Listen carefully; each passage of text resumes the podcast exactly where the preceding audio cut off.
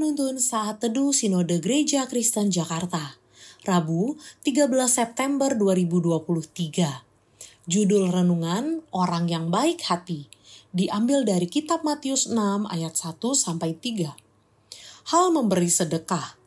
Ingatlah, jangan kamu melakukan kewajiban agamamu di hadapan orang supaya dilihat mereka karena jika demikian, kamu tidak beroleh upah dari Bapamu yang di sorga.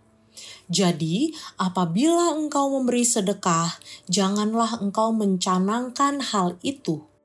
Seperti yang dilakukan orang munafik di rumah-rumah ibadat dan di lorong-lorong, supaya mereka dipuji orang.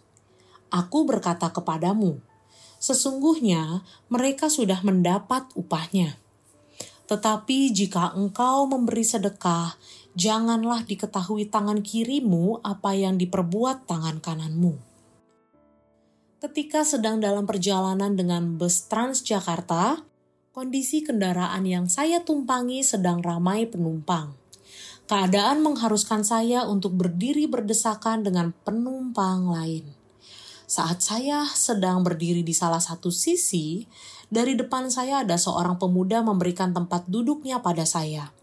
Sebelum saya mengucapkan terima kasih, ia sudah berpindah ke posisi yang lain. Mengenang indahnya kebaikan yang sederhana itu sungguh menyegarkan hati saya.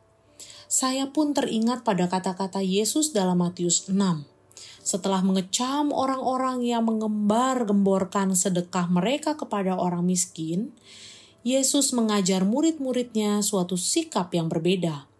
Yesus menekankan, daripada menjadikan pemberian sebagai suatu pameran atas kemurahan hati pemberinya, hal itu sepatutnya dilakukan secara diam-diam begitu tersembunyinya hingga digambarkan seperti tangan kiri mereka tidak mengetahui apa yang dilakukan tangan kanannya.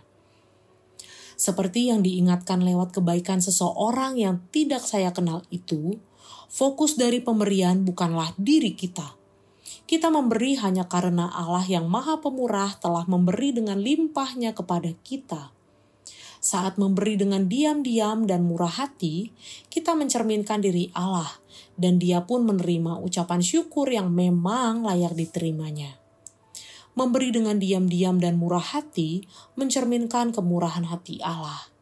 Kiranya Allah memampukan kita.